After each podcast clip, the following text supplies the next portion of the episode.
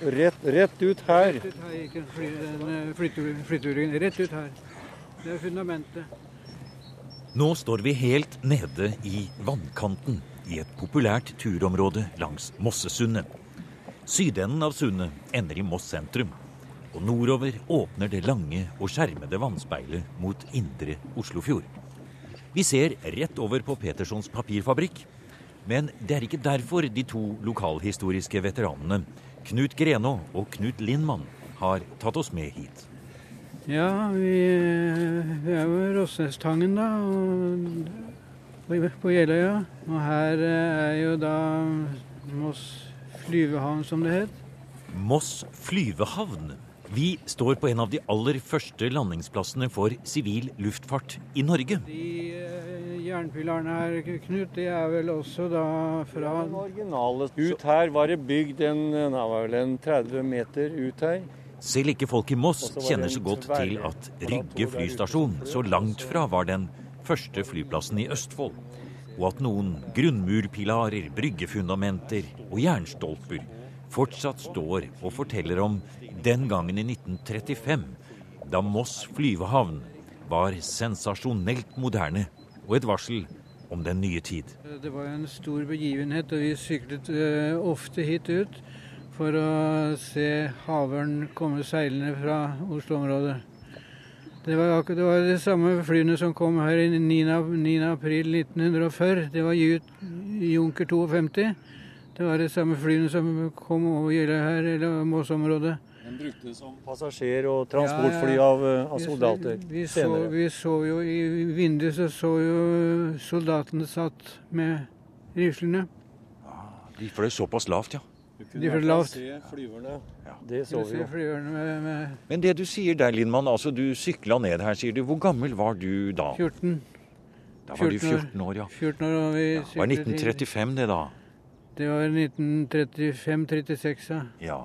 Og det eneste som er igjen her, ser vi, det er denne store, brede, eh, støpte fundamentet. Og så ja, banker du med stokken din her, og Lindmann. Denne her, det er jo da fundamentet for Det er jo da ja. Det er en stor fest, jernpuller du, fest, du, ser her? Feste for fly, flytebryggen. Mm. Det er fest, rett og slett feste for fly, flytebryggen. Ja. Det ser ut som det er flere perler ja, som har stått Riktig. Vi går ned og kikker litt her, ja. Dere sykla ned her fordi at det, det var en sensasjon ja, det, å se flyet, rett og slett, ikke sant? Det var en stor begivenhet å se havørn komme her. Vi hadde knapt sett fly tidligere. Og særlig ikke med sjøfly, da. Det var et flott syn. Altså, det, det hendte at de, de, landet fra både syd og nord, og ettersom ja. været var. Det hendte jo at han kom fra byen. Det fins postkort hvor det er fly over byen her. Det har, vi, det har jeg hjemme. Ja. Ja, for du husker jo dette du også, ja, ja, Greno. Enda Lindmann her sier du var bare en guttunge, ja, ja, jeg var, eh, jeg var eh, åtte år, jeg, eh, når jeg Ja, Men du husker det? Oi, oi, oi. Vi, jeg bodde oppi bodde rett her oppe. Altså jeg, vi var jo her og bada hver sommer. Ja. Men fly, fly, flytrafikken var jo kun i sommermånedene. Ja. Så de, de, de, kunne ikke lande her når det var eventuelt is nei, andre steder, selv om det var isfritt her. Så. Ja. Men husker du noe mer, eh, husker, Lindmann, jeg, fra selve flyet, eller de jeg, som fløy det og sånn? Jeg husker han som var flyver. Han, jeg tror han het Smith. Ja. Og han uh, var en sprek kar, men han var liten av vekst. Så vi, regis, vi registrerte, vi gutta, at se på de høye hælene han har. Fordi at han ville se ut som han var litt høyere enn han egentlig var. Han het Smith. Han gikk, eh, kom inn eh, på flytebryggen her og gikk opp med posten opp i bygget der. Ja, store. Ja,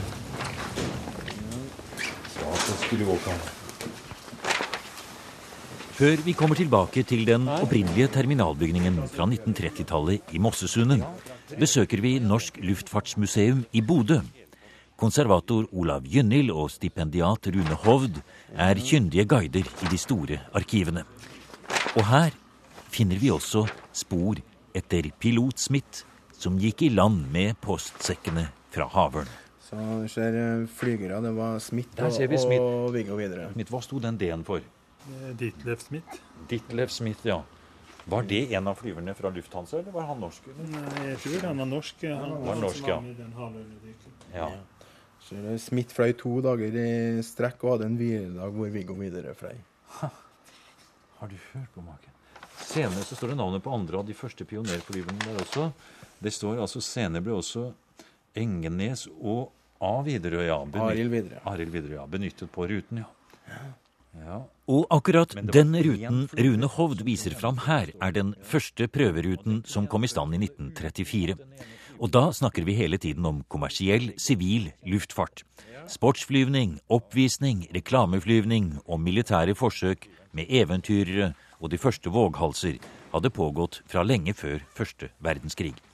Men når det gjelder tanken om å gjøre flyvning til et seriøst transporttilbud for post og passasjerer, så skal vi enda lenger tilbake, sier Olav Gynhild. Det første som starta, var det egentlig sånn Norsk Luftseilasforening, som ble stifta i 1909. Det var en rekke sånn såkalt eh, prominente herrer i Oslo som gikk sammen og danna en forening som skulle drive sånn eh, PR, reklame for flygningen. De var opptatt av det å overbevise opinionen, folk flest, om at flyging virkelig var noe man skulle satse på. For det vel riktig å si det i Norge, og sånn var det kanskje en del andre land men i hvert fall i Norge at det var ganske stor skepsis. Man var redd for å fly. Man frykta ulykker. Eh, det hadde en økonomisk side. Man eh, var veldig skeptisk på å bruke mye penger på flyplasser og flyplassutbygging og sånt, så man betrakta det kanskje ikke som man er usikker på om rett og slett om flyet ville bli liksom det transportmiddelet enkelte sa det ville bli. Sånn at det var egentlig en ganske sånn stor debatt i Norge gjennom i hvert fall store deler av 1920-åra og frem til begynnelsen av 30-åra om hvordan luftfarten skulle bli, og hvor mye man skulle satse på det. Og På denne tiden så var det jo slik at folk var veldig interessert i flyvning. Man kom til disse flystevnene, og det var Jeg har sett en ting du har skrevet her, at det var over 100 000 mennesker bl.a. på Ekeberg og så på flyoppvisninger og, og slike ting. da. Ja, man var veldig entusiastisk. Ja, og Spesielt selvsagt når man skulle se et fly første gang, så var det helt spesielt. Og Likeledes etter første verdenskrig var man ganske optimistisk, for flyet hadde vist seg at det kunne gjøre forskjellige ting som man ikke var oppmerksom på tidligere. Man ble brukt både til transport og rekognosering, og det skjedde en stor utvikling osv. av flyet. Sånn at da var man ganske optimistisk. Men så var det jo dystre ulykker innimellom som, eh, som gjorde at folk ble redd. Og 1920-åra var en ganske vanskelig tid sånn økonomisk. Og var det derfor også man så på det som nær sagt lettere å i anførselstegn selge ideen om et sjøfly enn et fly som skulle lande på hjul? Fordi at det lignet på det med båt, og man kunne lande på sjøen hvis det var ille osv.? Ja, det kunne nok ha noe med det å gjøre også at det var kjent. Man, Norge var en sjøfartsnasjon. Man hadde knytta mye ære til sjøen. Og det var jo også til slutt de store skipsrederne som skulle bringe Norge til værs. Så det var en historie i det. Ja, som altså Gynhild sier her, eh, Hovd. Skipsrederne brakte Norge til værs. For det var ikke denne eh, Tankred Ibsen som ble kjent som filmregissør, og det var heller ikke Kailov som var matematiker, som lyktes. Men det var altså skipsrederbransjen, kan man si, som først eh, fikk dette her til å fungere. Og man måtte ha statsstøtte. Ja, eh, helt fra starten så var jeg klar at eh, statsstøtte, særlig posttilskudd, var nødvendig. Ja, For det var post som ble stikkordet her? Ja, luftfarten var veldig mye innretta mot post, og, og rutevalg og sånn reflekterte luftfarten som en del av et større postsystem. Hva var den absolutt aller første flyrute i Norge som noen prøvde å sette opp sted, altså Jeg tenker ikke på å lage en, en, rekord eller noe sånt, men den aller første flyrute som ble satt opp i Norge som man kunne kjøpe billetter til. Det var eh, det norske luftfartsrederiet sin eh, flyrute fra Bergen til Stavanger i høsten 1920. Jaha. Det var den første, ja. Men det var vel ikke noe som ble noe varig karakter? Nei, eh, etter dårlige økonomiske resultat så valgte selskapet å gå til oppløsning høsten 1920 for å berge aksjekapitalen. De har vel fått signaler om at uh, statsstøtten de må ta for å få det til å gå rundt, ikke ville komme. Så da valgte de å, å få tilbake aksjekapitalen. Men det er altså da når rederne kommer inn i bildet, og det blir satt opp uh, ruter langs hele kysten osv., og, så videre, og et nett med sjøflyhavner, at det begynner å skje noe. Og finner vi spor av det her i dette enorme arkivet vi står i her? Ja, her er det jo spor av det. Korrespondanse med agentene til selskapet. Ja. fins her. Skal vi prøve å finne fram noe her fra den aller første tiden? Der. H. Sanders efterfølger. Det ja. er jo agenten i Moss. Ja. Skal vi se litt på den? Skal vi se om vi finner Det var ei ja, tynn mappe. Det var en tynn mappe, ja. 1937 er den fram. Ja. Regning fra Moss telefonanlegg for leieavgift for telefon nummer 1937, ja.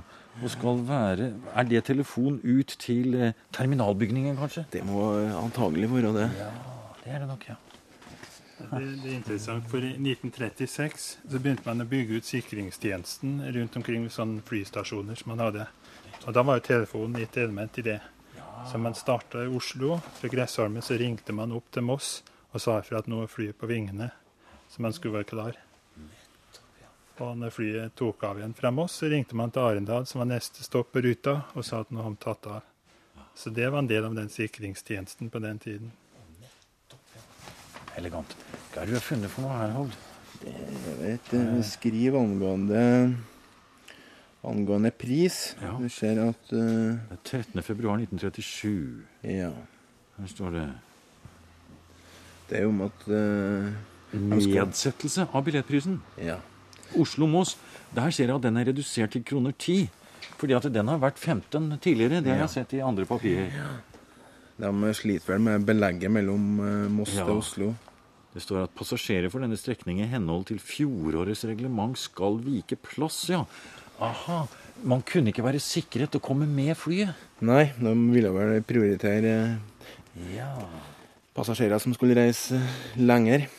Så man kunne risikere å kjøpe billett, men så heller ikke komme på flyet. Ja, ja det er utrolig. Og dermed så var det ingen som tok sjansen, tok dem heller toget. Ja. Det tok 15 minutter med fly ser vi, fra Moss til Oslo, og det kostet opprinnelig 15 kroner. Der går det ned til 10. Eh, ja. Men det som vi ser her, det er at vi er egentlig på slutten av eh, Moss øh, sjøflyhavn her, flybåthavn, for dette er 37. Det stopper opp i 39. Vi er midt i perioden.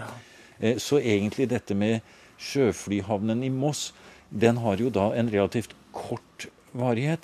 Men likevel så er det på en måte en del av denne pionertiden i den sivile luftfarten. Ja, og um, den sjøflyhavna i Moss var vel spesiell om at uh at eh, den kystruta og den postruta til mellom eh, Oslo og Gøteborg møttes der. For det ble eh, oppretta i 36 ei nattpostrute som gikk fra Oslo til Gøteborg. Nettopp. Men de aller første flyvningene, det kan vi se her på noen papirer. Og det vi ser i her, det er jo da noe som ble kalt for Luftveien. Sommeren 1935. Og hva var det? Og hva var Luftveien for noe? Ja, det var den uh, første ruta som uh, det norske luftfartsselskap uh, satte i gang i 35. Og den gikk fra Oslo til, til, til Bergen. Ja. De hadde Fulgte kysten, da. Fylt, fulgt kysten, ja. Og her ser vi faktisk hele rutetidene står her. Ja. Og hvem var det som sto bak dette? Hvem var det som på en måte var kapitalen bak dette her? Det var Fred Olsen. Og Senere kom bergenske dampskipsrederi og flere andre kystrederier inn. Så det var rederkapitalen som, som satsa på luftfart. Vi står jo også nå midt inne i da, nettopp da Fred Olsen-arkivet, som det jo kalles. Altså det norske luftfartsselskaps arkiv vi står midt inne i her nå. Hvis du skulle forklare litt om denne aller første ruteplanen da i Norge. Altså, hvordan var det? Hvordan måtte man innrette seg her? Vi har papirene her. Der har du også, Gunhild. Ja, ja, nå har vi begynt å få fart i arkivet her. En sånn, sånn, en sånn brosjyre, brosjyre ja. fra DNL som forteller om ja. ruta til publikum. Ja, hva, hva skriver de der? Eh, nei, Det står f.eks. at barn under tre år i følge med voksne eh, får 10% av vanlig pris. Så det var en rabatt, åpenbart. Og så har man da ha med bagasje som måler 50 ganger 50 ganger 100 cm, opp til 15 kg.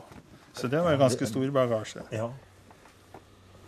Og så står det om bekledningen også. Er uavhengig av været, da man den hele tid sitter i lukket kahytt med sentralvarme og ventilasjonssystem. Ja. Ja, det, Så det var ganske bra sånn komfort om bord i flyet. Det var til og med toalett om bord som vi kunne bruke. Ja, vi ser på ruta. Den eh, ruta begynner halv ni om morgenen, så drar eh, flyet fra Oslo. og Oslo, det er Gressholmen. Det er Oslo det er Gressholmen, ja. Ja, Det ligger ute i Oslofjorden. Ikke akkurat der som Fornebu er, men i den ja. Så du må ta båt ut til Gressholmen Du må ta båt ut til Gressholmen. Ja. Installere deg der i god tid før 08.30 om morgenen. Ja. Og så er det da sjøflyet, da, som er der på Gressholmen. ja. 8.30 så tar det av. ja. Og da går det til. Da er det innom eh, Moss. eh, Ja. Fem på ni. Ja, det tar et kvarters tid eller 20 minutter å fly ned der, ja. ja. Så videre Da kommer det ned til den brygga vi har sett bilde av her, ja. Så er det eventuelle nye passasjerer og post der, da. Ja. Så kjører de til Arendal. Da skal de til Arendal, ja. Dit kommer de ti på ti på, på formiddagen. Ja. Der er det ikke lange stoppen her, eh, og så er det bærer videre. ja. Kristiansand eh, neste da. Ja, Så videre til Stavanger. Kort opphold der også. Haugesund. Og så til Haugesund, ja. Og så til Bergen. Og man er framme i Bergen 12.55. Ja. Da har man holdt på siden 8.30 og vært innom 1, 2, 3, 4, 5 byer i Norge. Og der har de altså da, Bare for å si hvor de egentlig Skal vi se om vi har det også i arkivet. Hvor de faktisk lander hen i disse byene. Har vi ikke en oversikt over hvor disse flybåthavnene var? Her, ja. Skal vi se. Vi blar litt her nå. Skal vi se. I Oslo, ja. Gressholmen, den har vi nevnt. Ja. Moss er Mossesundet. Ja. Arendal. er Bykaia ved rådhuset. Kristiansand, Kongsgårdsbukta. Stavanger, Klaseskjær. Haugesund, Garpeskjær. Og Ber Bergen, Sandviken. Og det du leste opp nå, var altså navnet på det, de første flyplassene, kan vi nesten si, da, i Norge. Ja, hvis du Det var de første sjøflyhavnene som var i, i bruk det, i ruteflyging. Ja, og, og det var, her ser vi også litt grann på prisnivået og tiden det tok. ja. Altså, For flyveren han skal jo da tilbake igjen, så vi ser jo her at det er en altså da, det er en elleve timers arbeidsdag. Ja. Det var, det var to flygere, altså. Men eh, fortell litt om priser og sånn her. La oss si Moss-Bergen, da, for eksempel. Skal vi se om du greier å finne ut det. Det er 95 kroner 95 kroner, ja. i 1935. Så Ja. vi. Så det var ikke for hvermannsen å fly Nei, i det var i ikke det, altså. Her står det passasjergrunnlag eller trafikk, antall passasjerer. Ja, det er jo interessant her. I året 1935, der ser vi at hva er det totale antallet passasjerer der? Da var totale antallet 3214. Og i 36 så har det økt en ganske betraktelig, ja. Ja, men eh, de fløy eh, i en lengre periode i, i, i 36 enn For da, nemlig, 35. da har de solgt 4537 billetter. Ja. Inntektene har vært eh, i 36 på rundt 477 000 kroner, ja. ja. Går det med overskudd eller underskudd, dette her? Kan du se? Det går med underskudd hvert år. Ja. Post eh, var viktig hele, hele veien. For det var ikke mulig å drive passasjerflyging på 30-tallet med lønnsomhet. Uansett om flyene gikk fulle eller ikke. Til det var driftsutgiftene for høye, og, det de kunne kreve av passasjerene for lavt.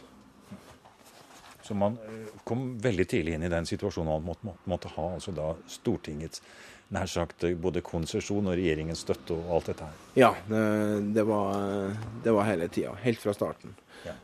Og du har nevnt at det blant annet, eh, det var også politiske stridigheter knyttet til nettopp dette. da. Ja, skulle de satse på landfly eller, eh, eller sjøfly? DNL søkte opprinnelig konsesjon med landfly, og så for seg et norsk luftfart drevet med, med landfly. Mens eh, regjeringa Mowinckel ville satse på en grad, mer gradvis utvikling med bruk av sjøfly, og ville Hun allierte seg på og trakk fram videre sin forsøksflyging i 34 i den forbindelse. Begynner I 39 så begynner landflyene å åpne Fornebu og, og Kjevik. Det er de to første landflyplassene. Sola kom først i, i, i 37. Og da ser vi overgangen fra sjøfly og til landbaserte fly, da.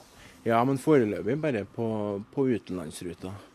For det flyplass, den landsplanen som ble vedtatt vedtatt i 35, så var det utbygging av flyplasser til nord til, til Trondheim. Men fortsatt så mangla det jo flyplasser i Bergen og Ålesund. Så det gikk, gikk, gikk ikke an å skifte uh, landfly på den norske kystruta. Så at De første flyplassene som ble bygd, da, da, var man jo lenge litt motvillig til å begynne å bygge ut flyplasser i det hele tatt, fordi man var redd det skulle koste mye så fikk man jo de tre flyplassene før krigen. Og så fikk man egentlig litt hjelp av tyskerne til å bygge under andre verdenskrig. Og etter andre verdenskrig så kom Nato og hjalp til. Og, og når Norge sjøl skulle bygge flyplasser på egen hånd, da valgte man den billige løsningen med kortbaneflyplasser. Sånn at det ligger sånn, kanskje en sånn eh, tanke under hele tiden at man skal bruke minst mulig. Så får man jo en endring, selvsagt, når Gardermoen kommer, da. Man kan bli slått av det at det var en veldig interesse i samtiden. Men man kan bli slått av det når man blar f.eks. i, i norgeshistorier i dag. Så finner man ikke så veldig mye om flyplasser og flyplassbygging. Og det er egentlig litt et paradoks. Man finner mye mer om norske landbruk og utviklingen av landbruket enn om bygging av flyplasser. Så det er kanskje noe som noe som har vært litt forsømt i historieskrivningen også, faktisk. Og det var veldig viktig i dag. Ja. Og litt mindre forsømt blir denne historieskrivningen når doktorgradsstipendiat Rune Hovd på Norsk Luftfartsmuseum kommer med sin avhandling om den sivile luftfartens første år. Det er originale. Der ser du litt. Ja, det var nok her huset Der sto huset, for du ser det her en liten Og tilbake i Moss kan lokalhistorikerne Knut Greno og Knut Lindmann bare undre seg over at så få vet om denne delen av norsk historie. Selv i Moss er det ikke mange som kjenner til at det i det hele tatt har vært en sivil lufthavn her i Mossesundet. Og det er ingen skilt eller henvisninger til hva de gamle fundamentene betyr. Det, var en tretrapp som førte opp til en dør. Ja, der, Midt på huset. Midt på huset, ja. Og mm. der var det to vinduer. Mm. Og uh, i hjørnet. Vinduene står i hjørnet. Vinduene står godt i hjørnet, ja. Og inni der var det telegrafsystem, mm. så de kunne ha altså korrespondanse med lufthavn i, i Oslo. Ja. Men jeg har en annen historie. Det er nemlig at kunstmaler Anstensen, hans far, hadde snekke borti kanalen. Mm. Og han drev skytteltrafikk. Altså. Og, og kom hit og hentet eventuelle passasjerer som ville være med han. Nå skal vi gå inn i terminalbygningen her. Skal vi komme inn her på Jeløy kystlag. Lukker vi opp her. Kan vi se hva er navnet ditt, da? Karl Reier. Karl Reier, ja. ja. Vet du det at du er inne i Østfolds første flyplass nå? Ja, det er jeg klar over. Det visste du. Ja. ja. Det visste du godt, ja. For uh, her sto det jo et hus tidligere ja. som har blitt uh, revet. Du kan vel ikke huske det huset? Nei, jeg har en onkel som vanker nede i barndommen. Ja, Bjarne? Bjarne ja. Ja, ja. ja. For det er jo sånn Greno, at du vet jo hvor det ble av selve huset også, du som sto her. Ja, det ble kjøpt av en familie som heter Haridslev. Og de fikk lov å rive det og fraktet det ut på Nordre Jeløy her. Og bygde en hytte av det ut på litt nordafor Nes på Jeløy. Det ble identisk er du sikker? Den ble helt identisk med den som sto her. Og jeg var som sagt på Du har vært der òg, du? Jeg har vært på, vært, vært, vært på fest eh, på den, på den, hytta på Neset. Ja. Det som var terminalbygningen her? Ja. ja. Det var ikke gjort noe med den da. Nettopp. Men nå er vi vel ikke sikre på hvor, hvordan det kan se ut her. Det eh, var jo høyere i bakkant, da. Det så du på bildet. ja. Men altså, saken er jo det at du kan peke i gulvet her Grena. og si 'hit gikk det', for vi ser jo ute hvor funnet, Ja, nå drar du liksom handa over her. Det var en balkong, ja. Mm. Og her var postkontoret da bak oss her. Det er som Åmund står nå, ja.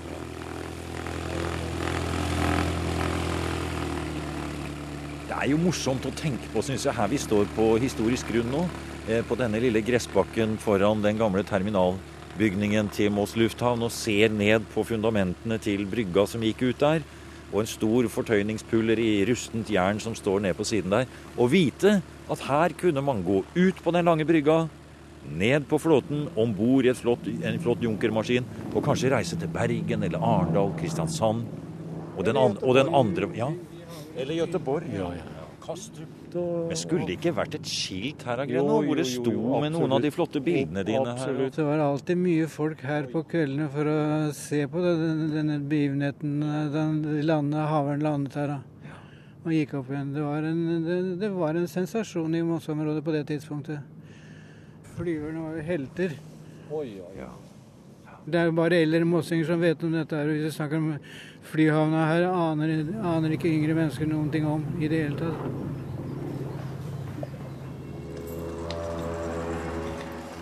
Du har nå hørt programmet Museum som podkast fra NRK. Museum sendes i NRK P2 på lørdager og søndager. Du finner flere programmer på nrk.no podkast.